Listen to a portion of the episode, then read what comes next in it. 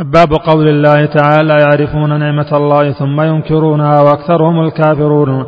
قال مجاهد ما معناه وقول الرجل هذا مالي ورثته عن آبائي وقال عون بن عبد الله يقولون لولا فلان لم يكن كذا وقال ابن قتيبة يقولون هذا بشفاعة آلهتنا وقال أبو العباس بعد حديث زيد بن خالد الذي فيه أن الله تعالى قال أصبح من عبادي مؤمن بي وكافر الحديث وقد تقدم وهذا كثير في الكتاب والسنة يذم سبحانه من يضيف إنعامه إلى غيره ويشرك به. قال بعض السلف هو كقولهم كانت الريح طيبة والملاح حاذقا ونحو ذلك مما هو جار على ألسنة كثير. في مسائل الأولى تفسير معرفة النعمة وإنكارها الثانية معرفة أن هذا جار على ألسنة كثير الثالثة تسمية هذا الكلام إنكارا للنعمة الرابعة اجتماع الضدين في القلب.